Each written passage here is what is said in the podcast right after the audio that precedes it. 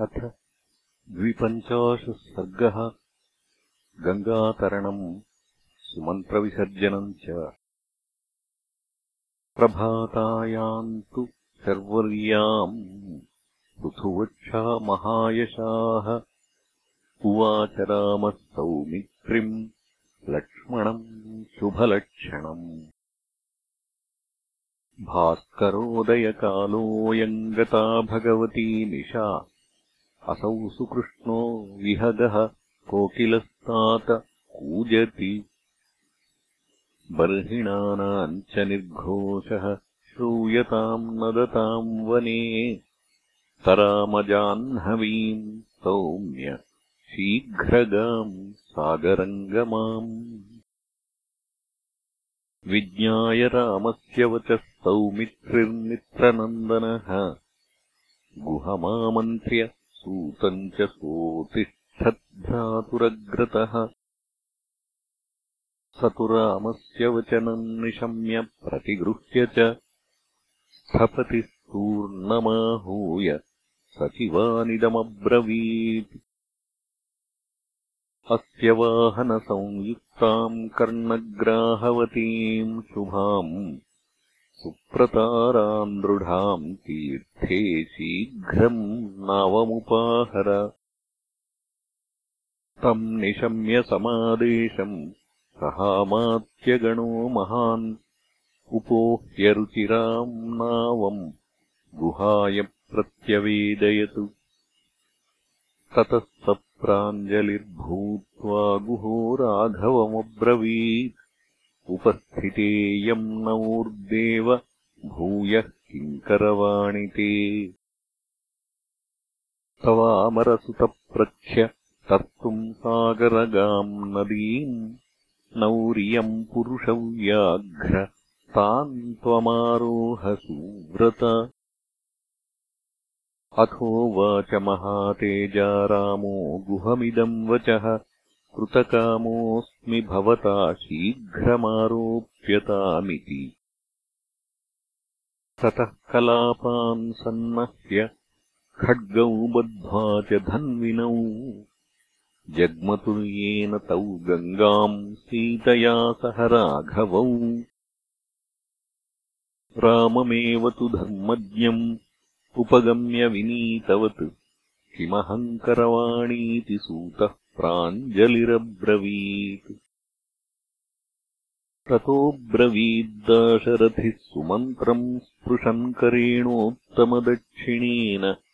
सुमन्त्रशीघ्रम् पुनरेव याहि राज्ञः सकाशे भवचाप्रमत्तः। निवर्तस्वेत्युवाचैनम् एतावद्धिकृतम् मम रथम् विहाय पद्भ्याम् तु गमिष्यामो महावनम् आत्मानम् त्वभ्यनुज्ञातम् अवेक्ष्यास्तः ससारथिः सुमन्त्रः पुरुषव्याघ्रम् ऐक्ष्वाकमिदमब्रवीत्। नातिक्रान्तमिदम् लोके पुरुषेणेह केनचित् तव स भ्रातृभार्यस्य वासः प्राकृतवद्वने न मन्ये ब्रह्मचर्येऽस्ति स्वधीते वा फलोदयः। मार्दवार्जवयोर्वापि त्वाम् चेद्व्यसनमागतम् सह राघव वैदेह्या भ्रात्रा चैव वने वसन् त्वम् गतिम् प्राप्स्यसे वीर। त्रीन् लोकांस्तु जयन्निव। वयम् खलु हता राम ये त्वयाप्युपवञ्चिताः। कैकेय्यावशमेष्यामः पापाया दुःखभागिनः। इति ब्रुवन्नात्मसमम् सुमन्त्रः सारथिस्तथा दृष्ट्वा दूरगतम् रामम् दुःखार्तो रुरुदे चिरम्। ततस्तु विगते बाष्पे सूतम् स्पृष्टोदकम् शुचिम्। रामस्तु मधुरम् वाक्यम् पुनः पुनरुवाच तम्। इक्ष्वाकूणाम् त्वया तुल्यम् सुहृदम् नोपलक्षये। यथा दशरथो राजा माम् न शोचेत्तथा कुरु। शोकोपहतचेताश्च वृद्धश्च जगतीपतिः। कामभारावसन्नश्च तस्मादेतद्ब्रवीमि ते यद्यदाज्ञापयेत्किञ्चित् स महात्मा महीपतिः। कैकेय्याः प्रियकामार्थम् कार्यम् तदविकाङ्क्षया एतदर्थम् हि राज्यानि प्रशासति नरेश्वराः। यदेषाम् सर्वकृत्येषु मनो न प्रतिहन्यते। यद्यथा स महाराजो नाळीकमधिगच्छति न च ताम्यतिदुःखेन सुमन्त्र कुरु तत्तथा अदृष्टदुःखम् राजानम् वृद्धमार्यम् जितेन्द्रियम् ब्रूयास्त्वमभिवाद्यैव मम हेतोरिदम् वचः। नैवाहमनुशोचामि लक्ष्मणो न च मैथिली अयोध्यायास्त्युताश्चेति वने वक्ष्यामहेति च। चतुर्दशसु वर्षेषु निवृत्तेषु पुनः पुनः लक्ष्मणम् माम् च सीताम् च द्रक्ष्यसि क्षिप्रमागतान्। एवमुक्त्वा तु राजानम् मातरम् च सुमन्त्र मे अन्याश्च देवीसहिताः कैकेयीम् च पुनः पुनः। आरोग्यम् ब्रूहि कौसल्याम् अथ पादाभिवन्दनम् सीताया मम चार्यस्य वचनाल्लक्ष्मणस्य च। ब्रूयाश्च हि महाराजम् भरतम् क्षिप्रमानय आगतश्चापि भरतः स्थाप्यो नृपमते पदे। भरतम् च परिष्वज्य यौवराज्येऽभिषिच्य च। अस्मत्सन्तापजम् दुःखम् न त्वामभिभविष्यति भरतश्चापि वक्तव्यो यथा राजनिवर्तसे तथा मातृषु वर्तेथा सर्वास्वेवाविशेषतः। यथा च तव कैकेयी सुमित्रा च विशेषतः तथैव देवी कौसल्या मम माता विशेषतः तातस्य प्रियकामेन यौवराज्यमपेक्षता। लोकयोरुभयोश्चक्यम् नित्यदा सुखमेधितुम्। निवर्त्यमानो रामेण सुमन्त्रः शोककर्षितः तत्सर्वम् वचनम् श्रुत्वा स्नेहात् काकुत्स्थमब्रवीत्। यदहम् नोपचारेण ब्रूयाम् स्नेहादविक्लबः भक्तिमानिति तत्तावत् वाक्यम् त्वम् क्षन्तुमर्हसि। कथम् हि त्वद्विहीनोऽहम् प्रतियास्यामि ताम् पुरीम्। तव तावद्वियोगेन पुत्रशोकाकुलामिव स राममपि तावन्मे रथम् दृष्ट्वा तदा जनः विना रामम् रथम् दृष्ट्वा विदीर्येतापि सा पुरी। दैन्यम् हि नगरी गच्छेत् दृष्ट्वा शून्यमिमम् रथम्। सूतावशेषम् स्वम् सैन्यम् हतवीरमिवाहवे। दूरेऽपि निवसन्तम् त्वाम् मानसेनाग्रतः स्थितम् चिन्तयन्त्योऽद्यनूनम् त्वाम् निराहाराः कृताः प्रजाः। दृष्टम् तद्धि त्वया राम यादृशम् त्वत्प्रवासने। प्रजानाम् सङ्कुलम् वृत्तम् त्वच्छोकक्लान्तचेतसाम्। आर्तनादो हि यः पौरैः मुक्तस्त्वद्विप्रवासने सरथम् माम् निशाम्यैव कुर्युः शतगुणम् ततः। अहम् किञ्चापि वक्ष्यामि देवीम् तव सुतो मया। नीतोऽसौ मातुलकुलम् सन्तापम् माम् कृथा इति। असत्यमपि नैवाहम् ब्रूयाम् वचनमीदृशम् कथमप्रियमेवाहम् ब्रूयाम् सत्यमिदम् वचः मम तावन्नियोगस्थाः त्वद्बन्धुजनवाहिनः। कथम् रथम् त्वया हीनम् प्रवक्ष्यन्ति हयोत्तमाः। तन्न शक्ष्याम्यहम् गन्तुम् अयोध्याम् त्वदृतेन घ। वनवासानुयानाय मामनुज्ञातुमर्हसि। यदि मे याचमानस्य त्यागमेव करिष्यसि सरथोऽग्निम् प्रवेक्ष्यामि त्यक्तमात्रैह त्वया। भविष्यन्ति वने यानि तपो विघ्नकराणि ते रथेन प्रतिबाधिष्ये तानि सत्त्वानि राघव। त्वत्कृतेन मयावाप्तम् रथचर्याकृतम् सुखम् आशंसे त्वत्कृतेनाहम् वनवासकृतम् सुखम्। प्रसीदेच्छामि ते रण्ये भवितुम् प्रत्यनन्तरः। प्रीत्याभिहितमिच्छामि भव मे प्रत्यनन्तरः। इमे चापि हयावीर यदि ते वनवासिनः। परिचर्याम् करिष्यन्ति प्राप्यन्ति परमाम् गतिम् तव शुश्रूषणम् मूर्ध्ना करिष्यामि वने वसन्। अयोध्याम् देवलोकम् वा? सर्वथा प्रजहाम्यहम्।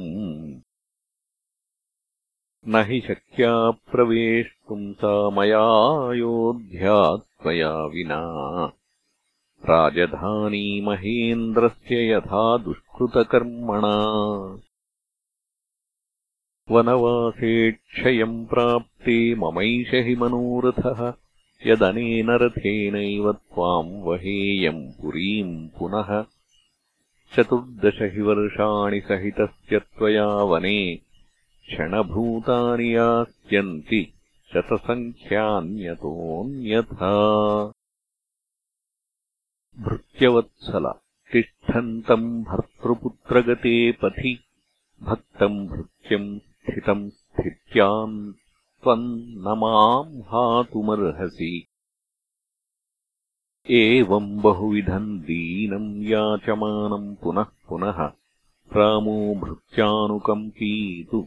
सुमन्त्रमिदमब्रवीत् जानामि परमाम् भक्तिम् मयि ते भर्तृवत्सल। शृणु चापि यदर्थम् त्वाम् प्रेषयामि पुरीमितः। नगरीम् त्वाम् गतम् दृष्ट्वा जननी मे यवीयसी। कैकेयी प्रत्ययम् गच्छेत् इति रामो वनम् गतः परितुष्टा हि सा देवी वनवासम् गते मयि राजानम् नातिशङ्केत मिथ्यावादीति धार्मिकम्। एष मे प्रथमः कल्पो यदम्बा मेयवीयसी भरतारक्षितम् स्फीतम् पुत्रराज्यम् अवाप्नुयात्। मम प्रियार्थम् राज्ञश्च सरथस्त्वम् पुरीम् व्रज सन्दिष्टश्चासि यानर्थान् तांस्तान् ब्रूयास्तथा तथा। इत्युक्त्वा वचनम् सूतम् सान्त्वयित्वा पुनः पुनः गुहम् वचनमक्लीबो रामो हेतुमदब्रवीत् नेदानीम् गुहयोग्योऽयम् वासो मे सजने वने अवश्यम् स्याश्रमे वासः कर्तव्यस्तद्गतो विधिः। सोऽहम् गृहीत्वा नियमम् तपस्विजनभूषणम् हितकामः पितुर्भूयः सीताया लक्ष्मणस्य च। जटाः कृत्वा गमिष्यामि न्यग्रोधक्षीरमानय। तत्क्षीरम् राजपुत्राय गुहः क्षिप्रमुपाहरत् लक्ष्मणस्यात्मनश्चैव रामस्तेनाकरोज्जटाः। दीर्घबाहुर्नरव्याघ्रो जटिलत्वमधारयत्। तौ तदा चीरवसनौ जटामण्डलधारिणौ। अशोभेताम् ऋषिसमौ भ्रातरौ रामलक्ष्मणौ ततो वैखानसम्मार्गम् आस्थितः सः लक्ष्मणः व्रतमादिष्टवान् रामः सहायम् गुहमब्रवीत्। अप्रमत्तो बले कोशे दुर्गे जनपदे तथा भवेथा गुह राज्यम् हि दुरारक्षतमन्मतम् ततस्तम् समनुज्ञाय गुहमिक्ष्वाकुनन्दनः जगामतूर्णमव्यग्रह सभार्यः सह लक्ष्मणः। स तु दृष्ट्वा नदीतीरेणावमिक्ष्वाकुनन्दनः तितीर्षुः शीघ्रगाम् गङ्गाम् इदम् लक्ष्मणमब्रवीत्। आरोहत्वम् नरव्याघ्र स्थितान्नावमिमाम् शनैः सीताम् चारोपयान्वक्षम् परिगृह्य मनस्विनीम् सभ्रातुः शासनम् श्रुत्वा सर्वमप्रतिकूलयन् आरोप्य मैथिलीम् पूर्वम् आरुरोहात्मवांस्ततः। अथारुरोहतेजस्वी स्वयम् लक्ष्मणपूर्वजः ततो निषादाधिपतिः गुहो ज्ञातीनचोदयत्।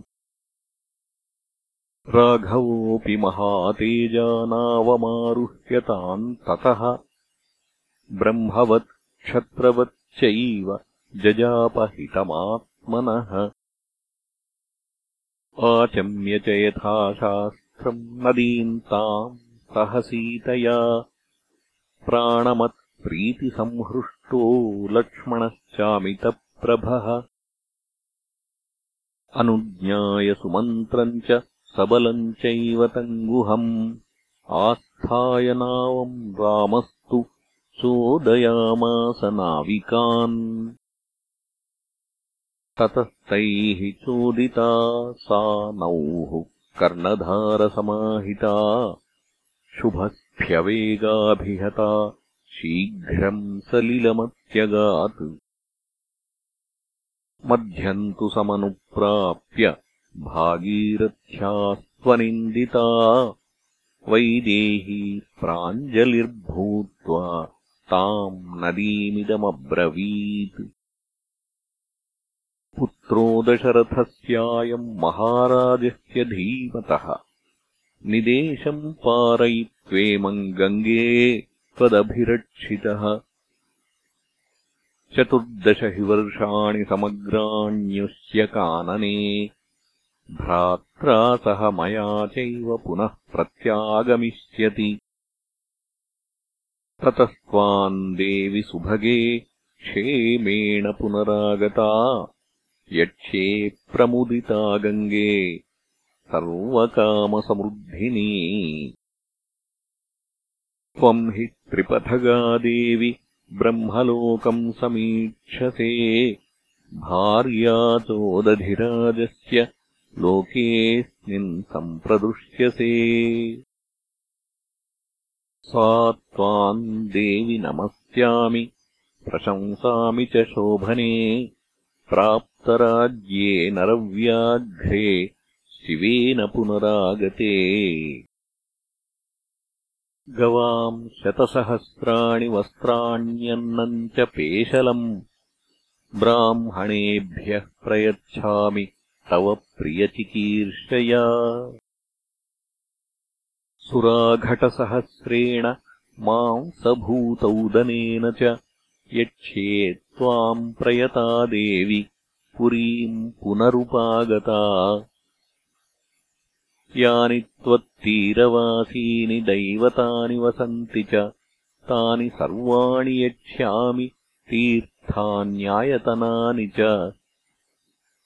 पुनरेव महाबाहुः मया भ्रात्रा च सङ्गतः अयोध्याम् वनवासात्तु प्रविशत्वनघे पुनरेव महाबाहुः मया भ्रात्रा च सङ्गतः अयोध्याम् वनवासात्तु। प्रविशत्वनघो नघे तथा सम्भाषमाणा सा सीता गङ्गामनिन्दिता दक्षिणा दक्षिणम् तीरम् क्षिप्रमेवाभ्युपागमत्। तीरम् तु समनुप्राप्य नावम् हित्वा नरर्षभः प्रातिष्ठतसह भ्रात्रा वैदेह्या च परन्तपः। अथाब्रवीन्महाबाहुः सुमित्रानन्दवर्धनम् भवसंरक्षणार्थाय सजने विजनेऽपि वा। अवश्यम् रक्षणम् कार्यम् अदृष्टे विजने वने अग्रतो गच्छ सौमित्रे सीता त्वामनुगच्छतु पृष्ठतोऽहम् गमिष्यामि त्वाम् च सीताम् च पालयन्। अन्योन्यस्येह नो रक्षा कर्तव्या पुरुषर्षभ। न हि तावदतिक्रान्ता सुकरा काचन क्रिया। अद्य दुःखम् तु वैदेही वनवासस्य वेत्स्यति प्रणष्टजनसम्बाधम् क्षेत्रारामविवर्जितम् विषमम् च प्रपातम् च वनमद्य प्रवेक्ष्यति श्रुत्वा रामस्य वचनम् प्रतस्थे लक्ष्मणोऽग्रतः अनन्तरम् च सीताया राघवो रघुनन्दनः गतम् तु गङ्गापरपारमाशुरामम् सुमन्त्रः प्रततम् निरीक्ष्य अध्वप्रकर्षाद्विनिवृत्तदृष्टिः मुमोच बाष्पम् व्यथितस्तपस्वी। स लोकपालप्रतिमप्रभाववान् तीर्त्वा महात्मा वरदो महानदीम् ततः समृद्धान् शुभसस्यमालिनः। क्रमेण वत्सान्मुदितानुपागमत् तौ तत्र हत्वा चतुरो महामृगान् वराहमृष्यम् पृषतम् महारुरुम्। आदाय मेध्यम् त्वरितम् बुभुक्षितौ। वासाय काले ययतुर्वनस्पतिम् इत्यार्षे श्रीमद् रामायणे वाल्मीकीये आदिकाव्ये अयोध्याकाण्डे द्विपञ्चाशः सर्गः